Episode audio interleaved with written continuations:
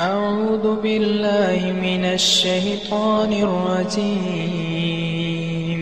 بسم الله الرحمن الرحيم. بسم الله الرحمن الرحيم. الحمد لله رب العالمين والصلاة والسلام على رسول الله وعلى آله وأصحابه وسلم وسلم تسليما كثيرا.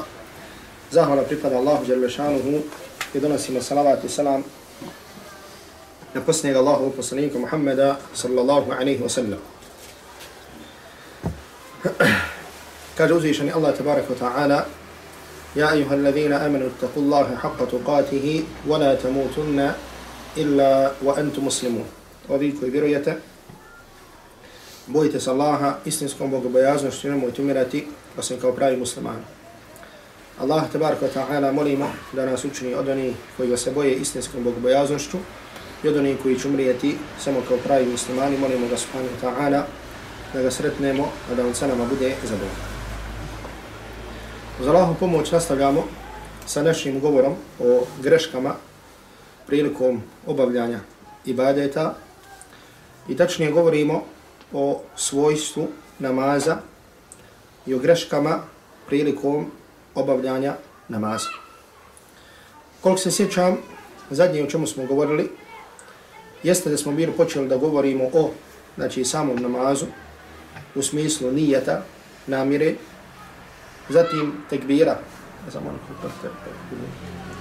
zatim e, tekbira i dizanja i stavljanja ruka, zatim šta se, e, zatim o kijamu i šta se uči na kijamu, a to je znači da se uči e, dua ili istiftah ili kod nas poznato kao subhaneke, a zatim je uza, zatim bismillah, zatim smo govorili o fatihi, zatim posle toga da se uči sura. Znači ono što smo rekli, znači jeste znači da je e, znači namjera kao namjera, da je to šta? Da je da to uslov ili preduslov namaza. Zatim smo rekli da je početni tekbir, da je to ruk namaza. Znači da izgovoriš Allahu Ekber, da je to šta? Ruk namaza. Što znači ako bi ga neko izostavio, znači namaz mu je šta? Neispravan. Međutim, rekli smo da dizanje ruka prilikom početnog tekbira da je to šta? Sunnet. sunnet. Znači, dizanje ruka prilikom početnog tekbira je sunnet. Znači, tekbir kao tekbir je rukn, međutim, da digneš ruke prilikom početnog tekbira, to je šta? Sunnet. I rekli smo također da postoje tri mogućnosti dizanja ruka sa tekbirom. Znači, da bude zajedno sa tekbirom, znači da se dignu ruke kada se izgovara tekbir, Allahu Ekber, ili da se prvo dignu ruke, pa se kaže Allahu Ekber, ili da se kaže Allahu Ekber, pa da se dignu ruke, i sve to vjerodostojno prenešeno od Allahovog poslanika sallallahu alaihi wa sallam. Zatim i rekli smo da se stavlje ruke, znači da se stavi desna ruka po lijevoj ruci i pojasnili smo načine kako je došlo u sunnetu Allahovog Resula sallallahu alaihi wa sallam da se ruka stavi jedna preko druge. I rekli smo da se stave, znači, iznad pupka, znači da je vjerodostojnije nego ispod pupka. I zatim da se uči, znači, subhaneke, euze, bismillah. I rekli smo da subhaneke, euze, bismillah, da učenje toga šta? Sunnet. Znači da nije ruk. Međutim, dok je učenje fatihe kao fatihe šta? Ruk. Na osnovu riječi poslanika sallallahu alaihi wasallam da nema namaza onaj koji nije proučio fatihu. Ali smo napomenuli da ćemo govoriti kada budemo govorili o namazu džumatu, da kada je u pitanju učenje fatihe, one osobe koja klanja iza imama, da po pitanju toga postoji šta? Razilaže. I o tome ćemo ako Bog da, uz Allahu tabarak wa ta'ala pomoć govoriti. I rekli smo da sve ono što ide učenje posle fatihe, znači koje se obično uče na prvom i drugom, koje se uče na prvom i drugom rekiatu, da je to šta? Sunnet. Da je to, da je to sunnet. I koliko se sjećam da smo tu da smo tu stali. Znači, sada nastavljamo sa govorom i ono o čemu ćemo danas govoriti jeste ruku i seđda, mada ćemo neka pitanja vezano za ruku i seđdu spomenuti i ako Bog da u sljedećem, u sljedećem predavanju. Znači, kada u pitanju rukn kao rukn, znači ovdje želim na početku da kažem da je, od, e, kada u pitanju ruku kao ruku, da je ruku ruk namaza. Znači, ona osoba koja izostavi rukn, znači namjerno, znači ona je šta? Nema namaza. Ili ako bi se desilo da zaboravi, mora da dođe sa njim i posle toga da učini sehvi i seđudu, kao što ćemo to pojasniti kada budemo govorili o sehvi seđdi. Dobro. Kada je osoba na kijamu i hoće da ide na ruku. Znači osoba prvo izgovori šta? Tekbir. Je li tako? Yes. Znači kad hoćemo da idemo na ruku kažemo šta? Allahu Ekber i idemo na ruku. Ovaj tekbir, ovdje želim da spomenem dvije stvari. Ovaj tekbir je, da kažemo, vrsta zikra ili tekbira koji se zovu tekbiratul intiqal. Prelazni tekbir. Znači tekbiri koji se uče ili zgovaraju prilikom prelaska sa rukna na rukna. Naprimjer, kada, kad ideš ruku, kad ideš sa kijama na ruku. Zatim kada ideš e, sa sjedenje na seđdu. Kad se vraćaš na sjedenje, kada ustaješ na kijam i tako dalje. Znači istog razloga se zovu šta? Tekbiratul intiqal, tekbiri prelaska. Ili prelazni tekbir. Jedan broj uleme kaže da su ovi tekbiri sunnat, dok drugi kažu da su vađb. Ne rukn, nego vađb. Šta znači? Znači da ako bi čovjek ostavio namjerno, da mu je namaz neispravan. Međutim, ako je ostavi zaborava, to može da nadoknadi sehvi seđdom, kao što ćemo o tome također govoriti. To je prva stvar. Druga stvar, ovdje se dešava, znači prvo da kažem, znači ovaj tekbir, sa draga braću, izgovara dok je čovjek na kijamu. Obratite pažnju na ovu stvar. Znači, kada hoćeš da ideš na ruku, znači kažeš Allahu Ekber i ideš šta? Na ruku. Znači, svejedno klanju, e, bio sam ili bio imam. Znači, kada hoćeš da ideš na ruku, još jednom ponavljam, kažeš šta? Allahu Ekber i ideš na ruku. I kad dođeš na ruku, onda učiš zikr koji se uči na ruku, a to je Subhana Rabbi al-Azim. Od najpoznatijih vidova zikr. Zašto ovo gore spominjem? Dešava se greška kod ljudi kad klanje, a posebno imama, ovdje ukazivam, posebno imama, da ne izgovara ovaj tekbir osim kada dođe na ruku. Znači šta učini? Ode na ruku i kaže Allahu Ekber. Znači to je neispravno. Znači, znači i u Hanefijskom i u drugim mezobima, znači to je neispravno. Ljudi neki, da kažem, imaju dobru namjeru, pa kažu kako me ne bi prestigao onaj koji klanja iza mene. Kako me ne bi prestigao šta? Onaj koji klanja iza mene. Međutim, to nije opravdanje.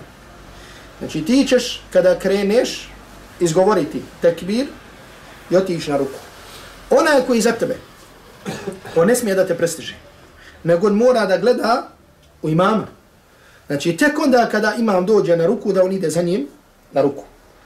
Znači, tek onda kada on dođe na ruku, ili kad dođe na seđu, ti ideš šta? Za njim. Ti ne smiješ da ga prestigneš. I o tome ćemo također govoriti kad budemo govorili o znači, namazu u džematu. Međutim, imam izgovara ovaj tekbir kada krene. Isto tako kada krene šta? Kada krene na seđu. Kao što će doći kasnije. Kad kaže sami Allahu liman hamida, Rabbena velike hamd, Allahu ekber. Neki ljudi odu na seđdu, hop, i dole kaže Allahu ekber na seđdu, Također ne ispravno. Znači ti s na kijam, znači digo se sa rukua, hoćeš da ideš na seđdu, kažeš Allahu Akbar, i onda ideš šta? Onda ideš na seđdu. Tako i kad se vraćaš sa seđde, i tako dalje. Dobro. Je ova stvar jasna? Dobro. Čovjek kada je na, seđ, kada je na ruku, znači ono, postoji više vidova zikra koji su preneseni od Allahovog Rasula sallallahu alaihi wa sallam. Najpoznatiji taki, znači taj vid zikra jeste Subhana Rabbi al-Azim. I ono što smo mi učili jeste da ga čovjek izgovara koliko, u većini znači dijela se spominje, ono što učimo u Mejtiv, da čovjek izgovara tri puta. Dobro, tri puta je sunnet. Znači potrebno je da čovjek najmanje kaže jedan put Subhana Rabbi al-Azim. Znači naj, potrebno je da najmanje jedan put, to jeste da kaže Subhana Rabbi al-Azim. Preko toga, koliko god, znači što više to bolje. Da ostaneš na ruku, znači da kaže minutu, dvije, da, znači da čovjek što oduže više s namazom, to mu je bolje. Znači nema zapreke. Znači 5-10 minuta da ostaneš na ruku, da učiš taj zikr, drugi vid zikr, znači nema zapreke. Osim u slučaju da si imam. Ako si imam, onda ne treba da ostaneš da kažemo, znači više kako ne bi šta, kako ne bi otežao, kako ne bi otežao ljudima, jer imam, znači uvijek gleda, znači stanje oni koji klanjaju, znači oni koji klanjaju iza, oni koji klanjaju iza njega.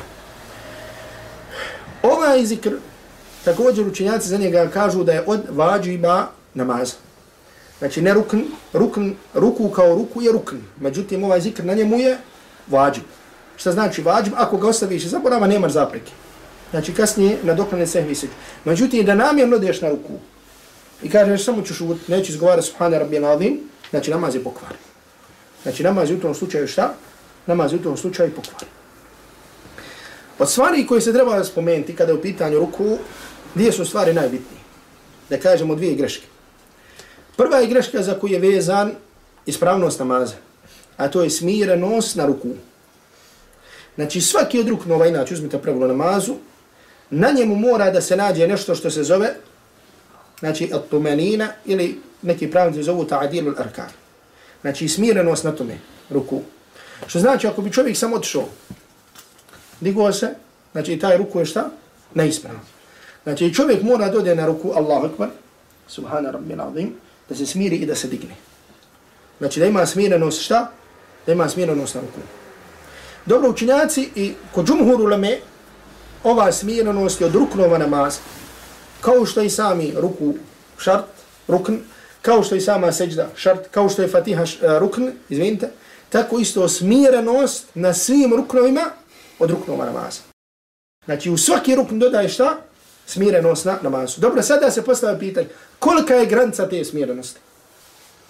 Granica te smirenosti je onoliko koliko možeš reći da kažemo ono što je obavezno da rekneš, a to je da kažeš koliko najmanje jedan put možeš reći Subhana Rabbi al-Azim. Znači to je smirenost na ruku. Smirenost na seđdi je koliko jedno može reći Subhana Rabbi a'la.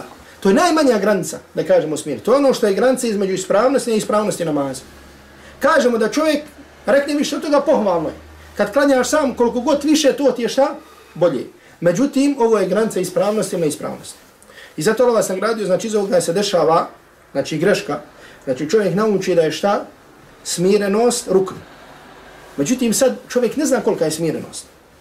Ide i klanja za imama i kaže ovo me namaz ispravo, ono me nije ispravo, nama, ovo me namaz vakio. Znači ne.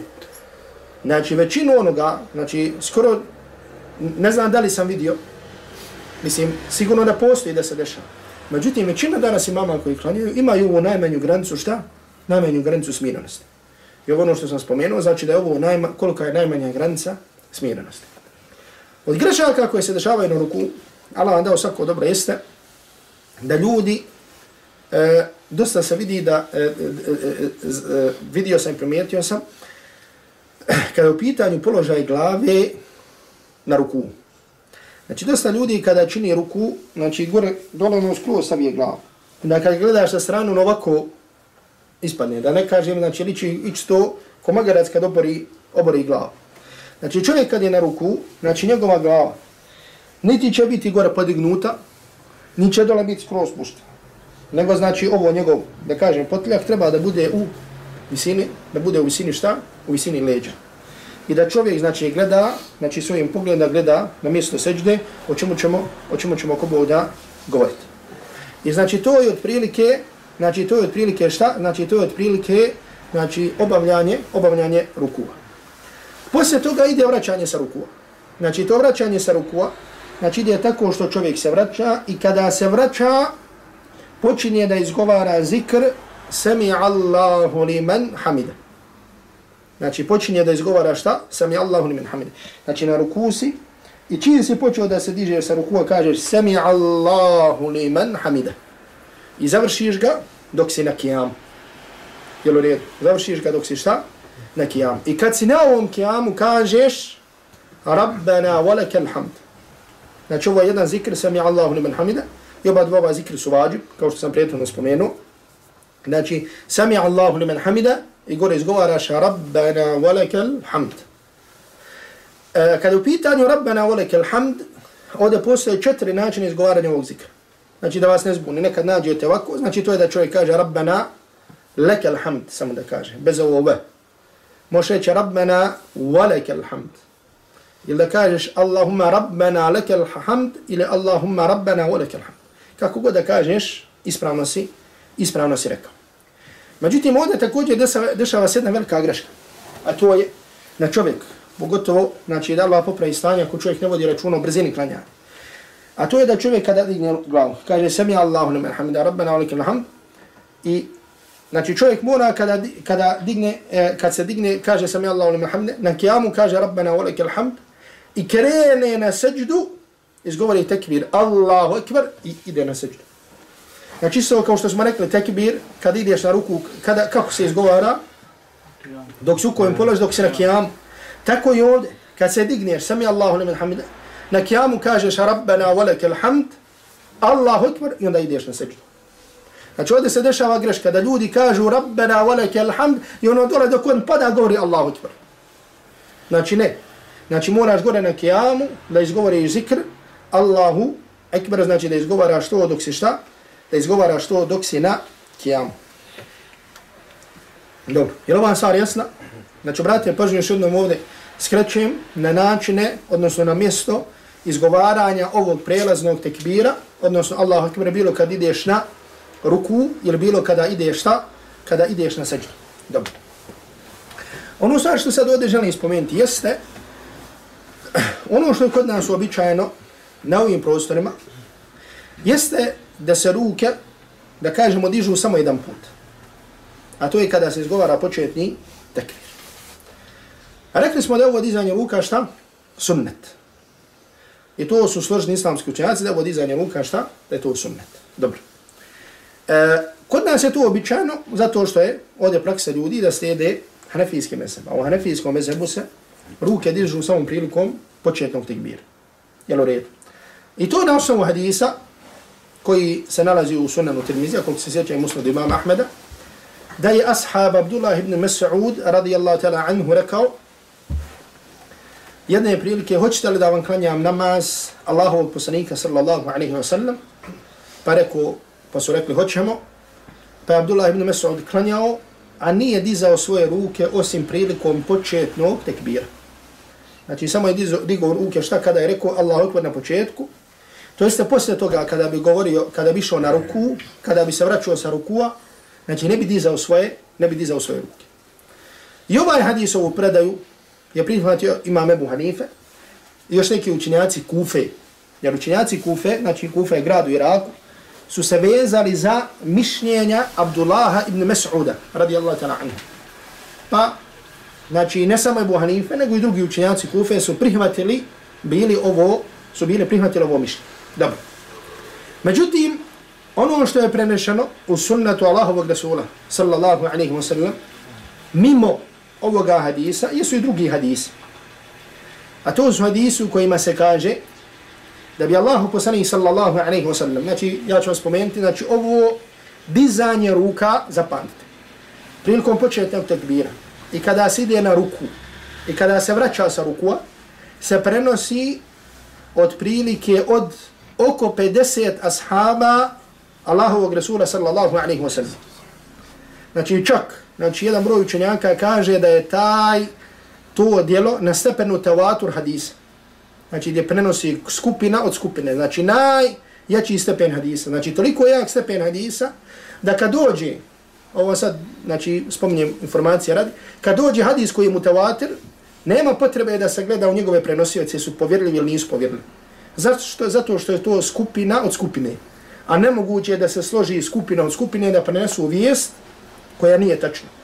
Znači možemo se na primjer dogovoriti Mogu, ne može se, na primjer, dogovoriti jedan čovjek sa drugim i ovaj s ovim da prenesu nešto što je netačno. Međutim, da prenese, da prenese 20, od 20, od 20, od 20, od 20, znači učenjaci kažu da to, znači ne može, da kažemo sa logičke strane, znači skoro da se desi. I zato kažem da ovo, a kao primjer toga ćemo spomenuti hadis, znači hadis u Buhari muslimu, od Ibn Umara radijallahu ta'ala anhu, da se kaže da je poslanik sallallahu alaihi wa sallam kana yarfa'u yadayhi hadwa min kibaihi, da bi poslanik sallallahu alaihi wa sallam dizao svoje ruke nasprav svoje ramena i da ftataha sala kada bi izgovorio početni tekbir wa idha raka'a i kada bi otišao na ruku wa idha rafa'a ra'sahu min ruku i kada bi digao svoj glavu sa rukua. I ovo, znači, ova, ovo, znači, ovakvi hadisi se prenose od prilike oko 50 od oko 50 ashaba Allahovog poslanika sallallahu alaihi wa sallam. Dotle da jedan broj učenjaka hanefijskog mezheba da su prihvatili ovaj sunnet i da su ga praktikovali. Od onih koji ću samo spomenuti, na primjer, ših Abdul Hayy Laknawi, znači poznati hanefijski pravnik iz Indije, zatim također veliki hanefijski učenjak Ibn Abil Iz al-Hanefi, znači koji ima svoje opaske na poznato dijelo iz fikha koje se zove al-Hidaje, at-tanbihat ala muškil al-Hidaje, gdje spominje u svom komentaru, znači da se ovo prenosi od oko 50 ashaba Allahovog poslanika, alaihi salatu wasalam, i kaže ovdje nema kontradiktornosti između hadisa Abdullah ibn Mesuda i ovih hadisa. Zašto? Kaže, zato što su ovi prenijeli nešto što je dodatak, nešto što je više. A onaj koji prenese nešto što je više, znači nema sumnje da se njegovo šta? Predanje prihvata i uzima.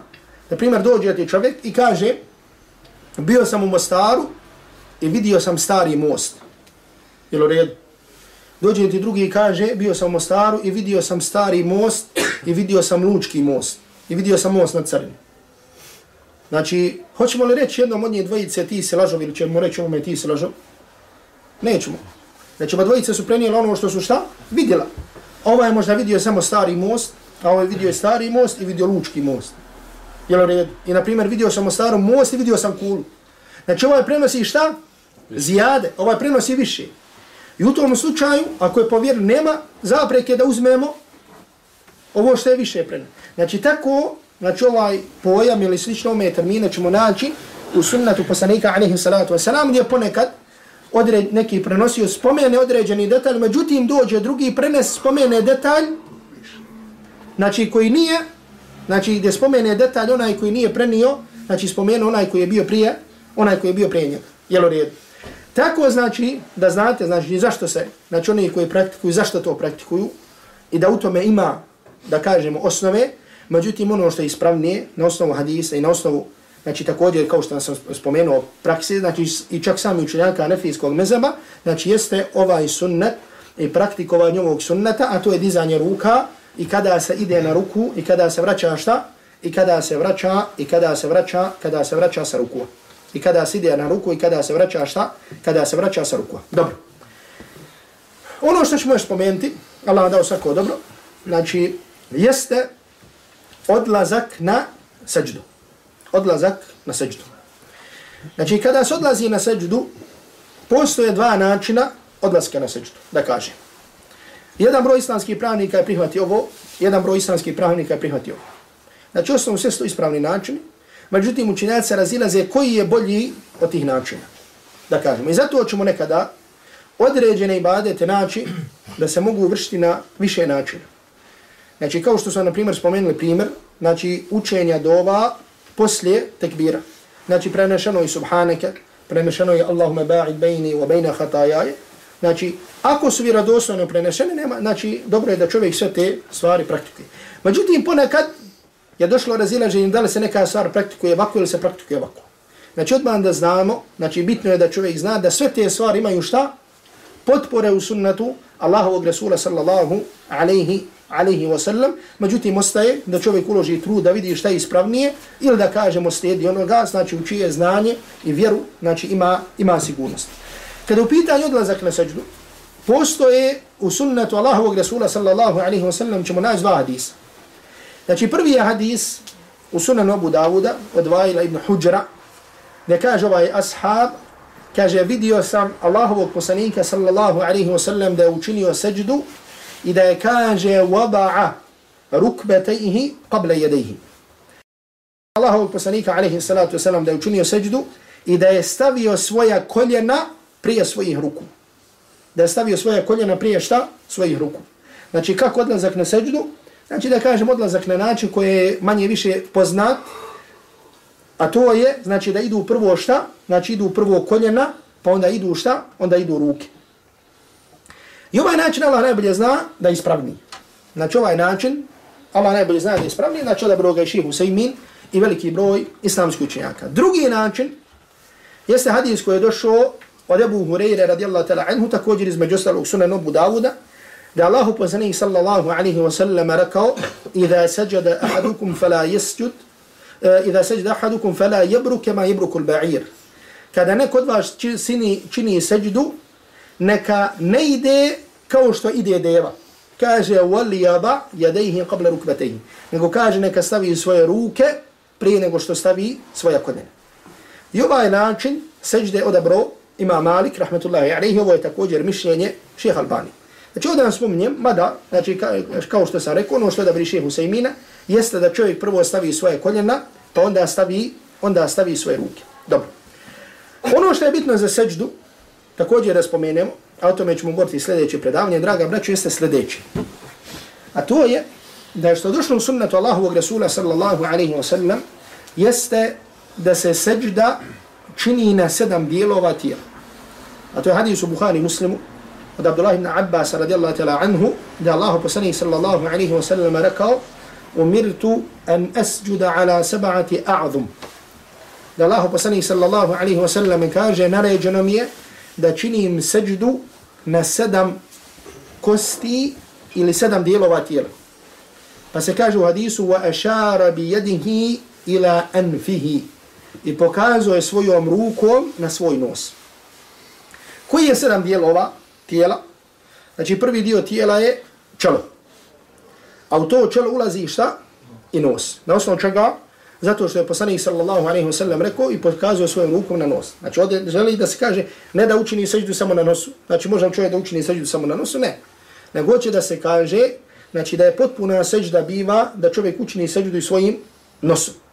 I zato se vidi, znači, zato vidite nekad grešku, znači ljudi, a to se opet dešava kad ljudi brzo klanjaju, znači učini seđu samo čelo. Znači samo dotakne čelo i digne se.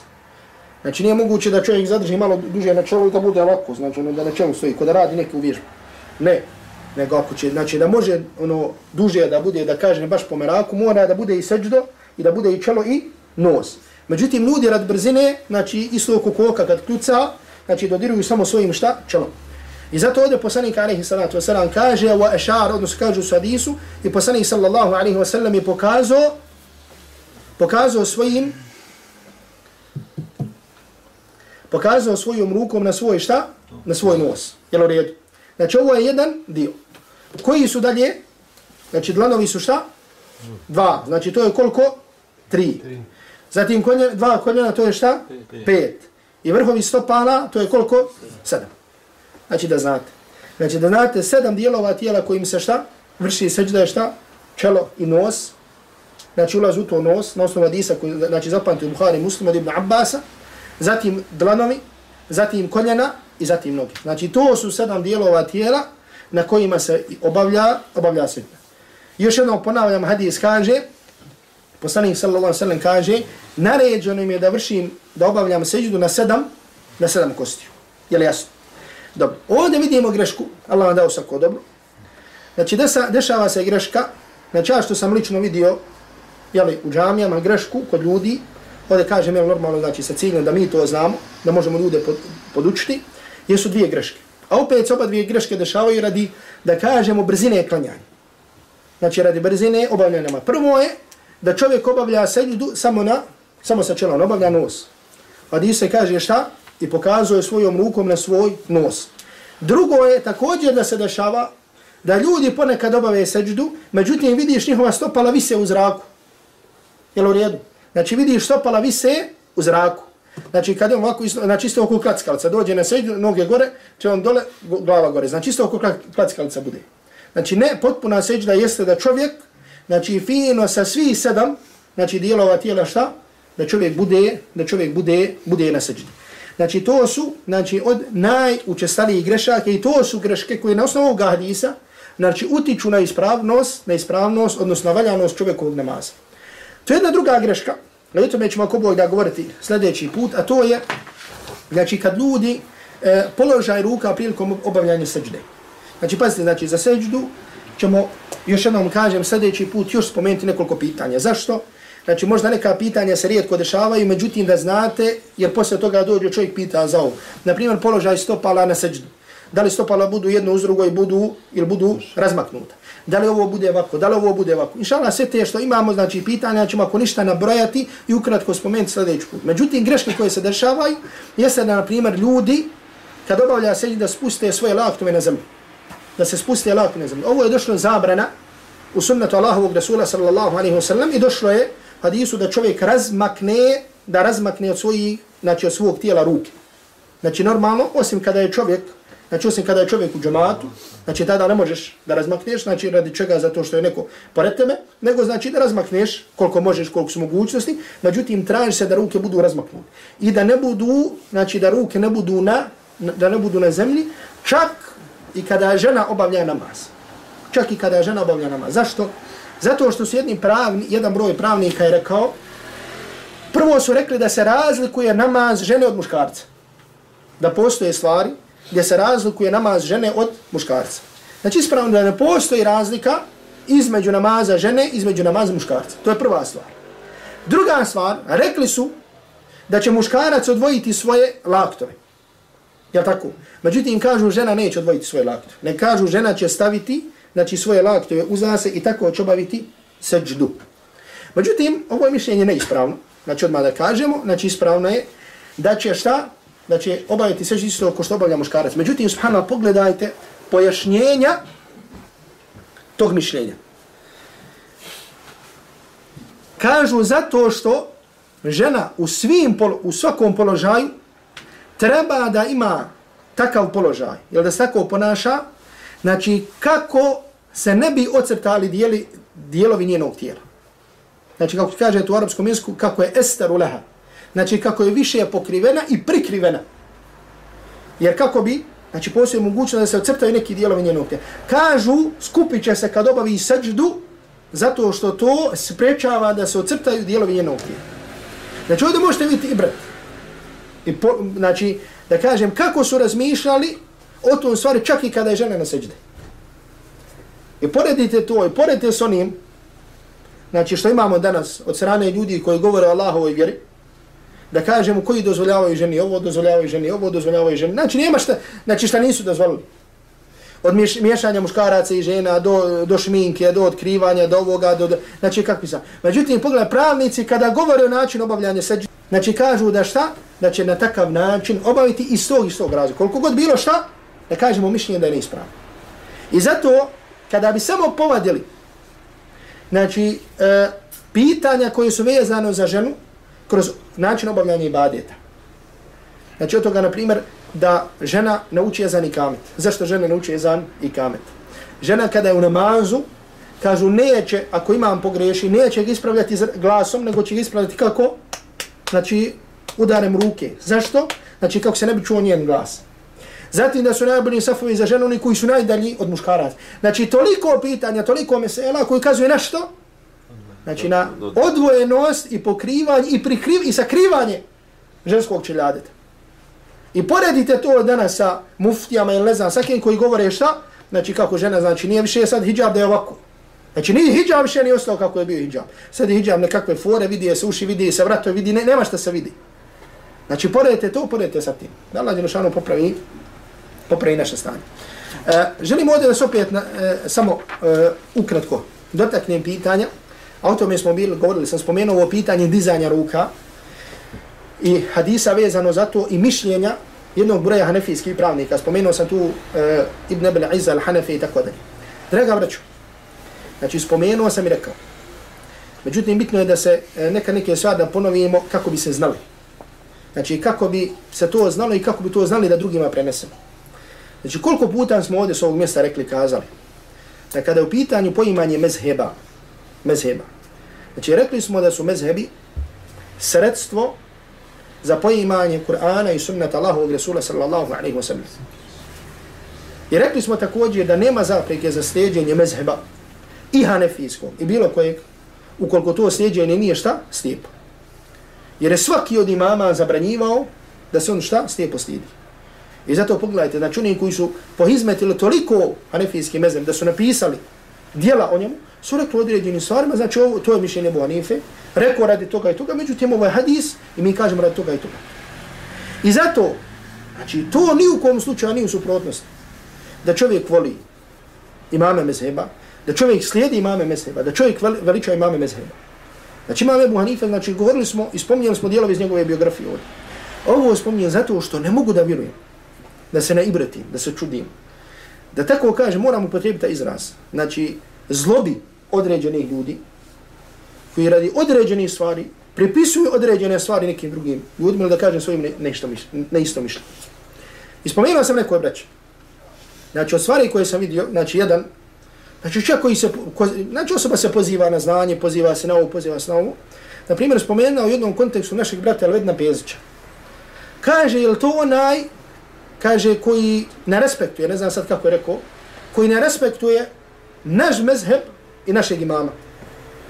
Naš brat Elvedin Pezić je magistrirao prije nekoliko dana, čuli ste, i magistrirao je, odbranio je rad vezano za hanefijski mezheb. Znači, obrada jednog dijela iz hanefijskog mezheba. Znači, na kojem je ostao raditi nekoliko godina.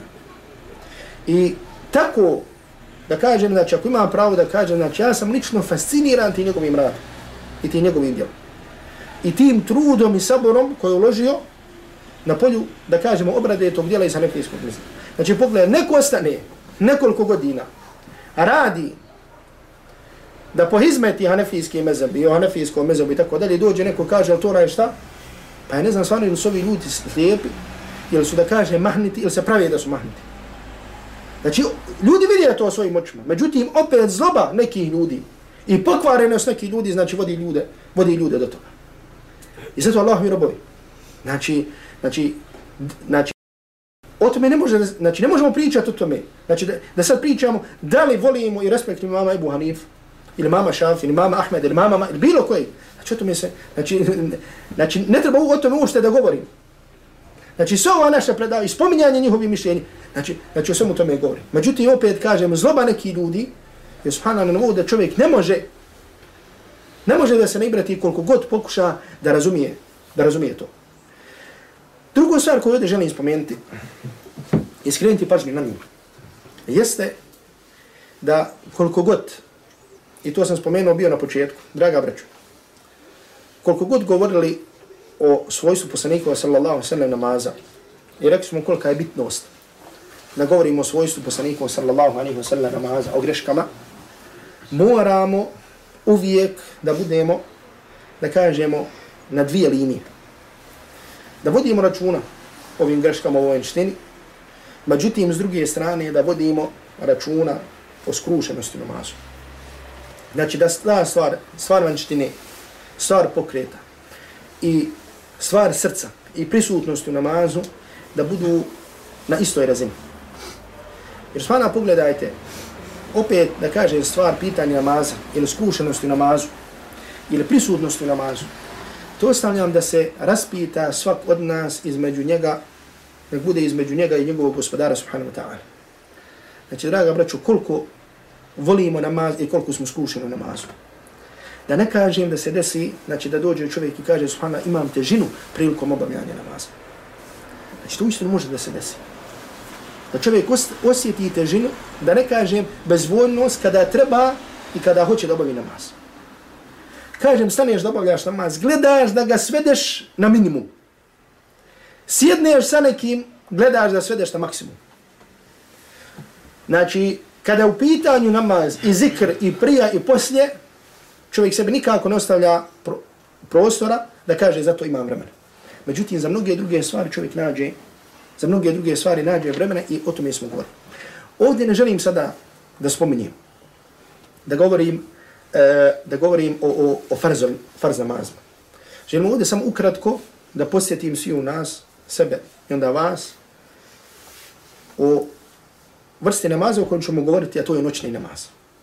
Ja ovo spominjem iz razloga, ja sam i prije to učinio, a to spominjem zato što je sad došla zima, znači noć je duža i da kažemo lakše je za čovjeka neke ibadete da čini u zimi nego u ljetu. I zato se prenosi od Selefa da su govorili, kada dođe zima, govorili su, kaže, to je proljeće za vjernika. Za zimu su govorili da je šta? Proljeće za vjernika. Zašto da je proljeće za vjernika? Zato što je dan kraći, znači da postiš, znači lakše ti, možeš više da postiš. I zato što je noć duža, znači možeš da obaviš, na, primjer ako, se oba, ako oba, da, da, da obaviš noćni namaz u 90 sati, znači to je već dubina noći odnosno na primjer, prije kada imaš zalazak sunca da bude, da bude, u, to, da bude u to vrijeme.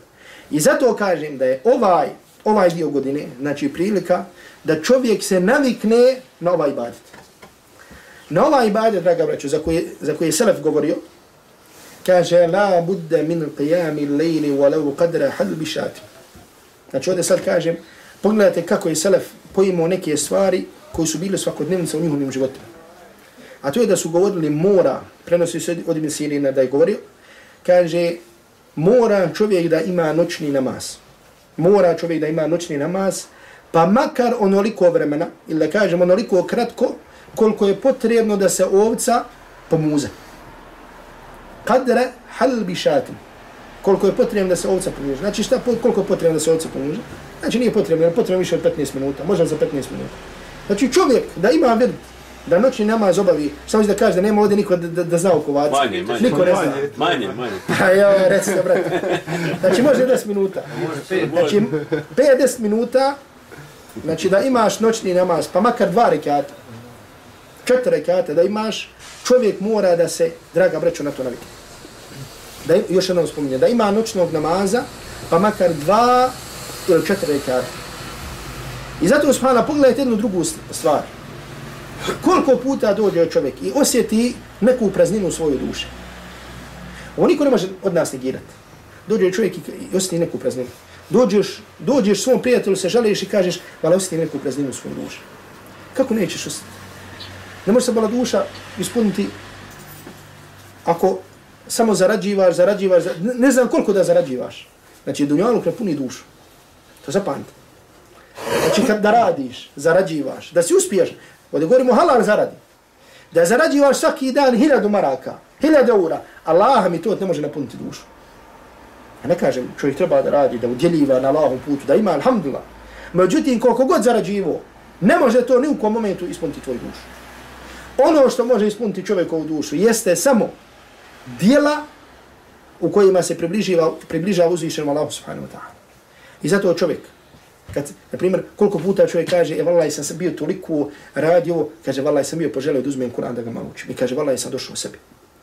Znači, čovjek, ali ne treba čovjek da dopusti da dođe u jednu takvu, da toliko opadne da kaže, e, vallaj, odo, uzeti Musav, zašto? Zato što više ne zna. Znači, dotle sam došao. Znači, uzimanje Musafa u ruke treba da bude svakodnevnica naša. To dva ili četiri kate da bude naša svakodnevnica. Jer to je stvar što puni čovjeku u dušu. Pored jedan dan u svom životu, kada klanjaš namaz u džemanke, dan kad učiš, uzmaš Musaf i otvaraš ga, normalno, deset dana ima i taki, ima i deset, poredi sa deset dana i ne otvaraš Musafa. Kakva je razlika između ovih i ovih deset dana? Znači, razlika je između nebesa i zemlje. I zato, draga braću, ne može ništa donije čovjeku, znači, ispun čovjeku i donijete radost i širinu njegova prisa, osim činjenja dobrih djela. I zato postoje dobra djela, hvala Allahu djela šanu, koje su moguće na svakom da je radi da išini. Da udjeliva čovjek, ne može se ko ima para. Da ode na hađ, ne može se ko ima para. Da dadne zekat, ne može osim ko ima para. Međutim, da učiš Kur'an, to može svak. Da obaviš, da obavljaš noćni namaz, to može svak. Znači, da činiš zikr, to može svak. Zašto ovo kažem? Zato što su, znači, nekada se ljudi, ljudi se nekada takmičili činjenjem dobrih dijela. I zato su došli ashabi Allahovom poslaniku alaihi salatu wasalam i rekli su šta? Allahov poslanicu oni bogati na šta? Prestigoše. Udjeljuju, znači, klanje i košta. Međutim, oni udjeljuju, a mi ne možemo da udjeljuju. Ali pa šta su rekli? Imaju namaz ko što imaju, imamo zikri koji imaju. Međutim, oni imaju para pa udjeljuju. Pa je Boži poslanik sallallahu alaihi sallam rekao, zar vi ne možete da kažete ovaj zikr toliko puta, ovaj zikr toliko puta, ovaj zikr toliko puta. Kaže, to vam je na tom stepenu. Znači, postoje stvari koje može svak da čini. A to su stvari od, znači, naj, od najizušenijih ibadeta. To je da učiš Allahu te barak ta'ala govor. To je da obavljaš namaz. I zato kažem ovdje, ovo, još jedno napominjemo, znači ovu izvjerku da zapamtite, da je Selem govorio da je zima, da je to proljeće za vjernika. Da je zima proljeće za vjernika. Zašto je proljeće za vjernika? Zato što su ti mnogi ibadeti olakšani. Allah te barak ta'ala molim da nas učini od onih koji su koji ima ibadet i koji usrajavaju na svojim ibadetima i da uzvišni Allah tabaraka ta'ala primi naše ibadete. Wa sallallahu ala Muhammedin wa alihi wa sahbihi wa sallam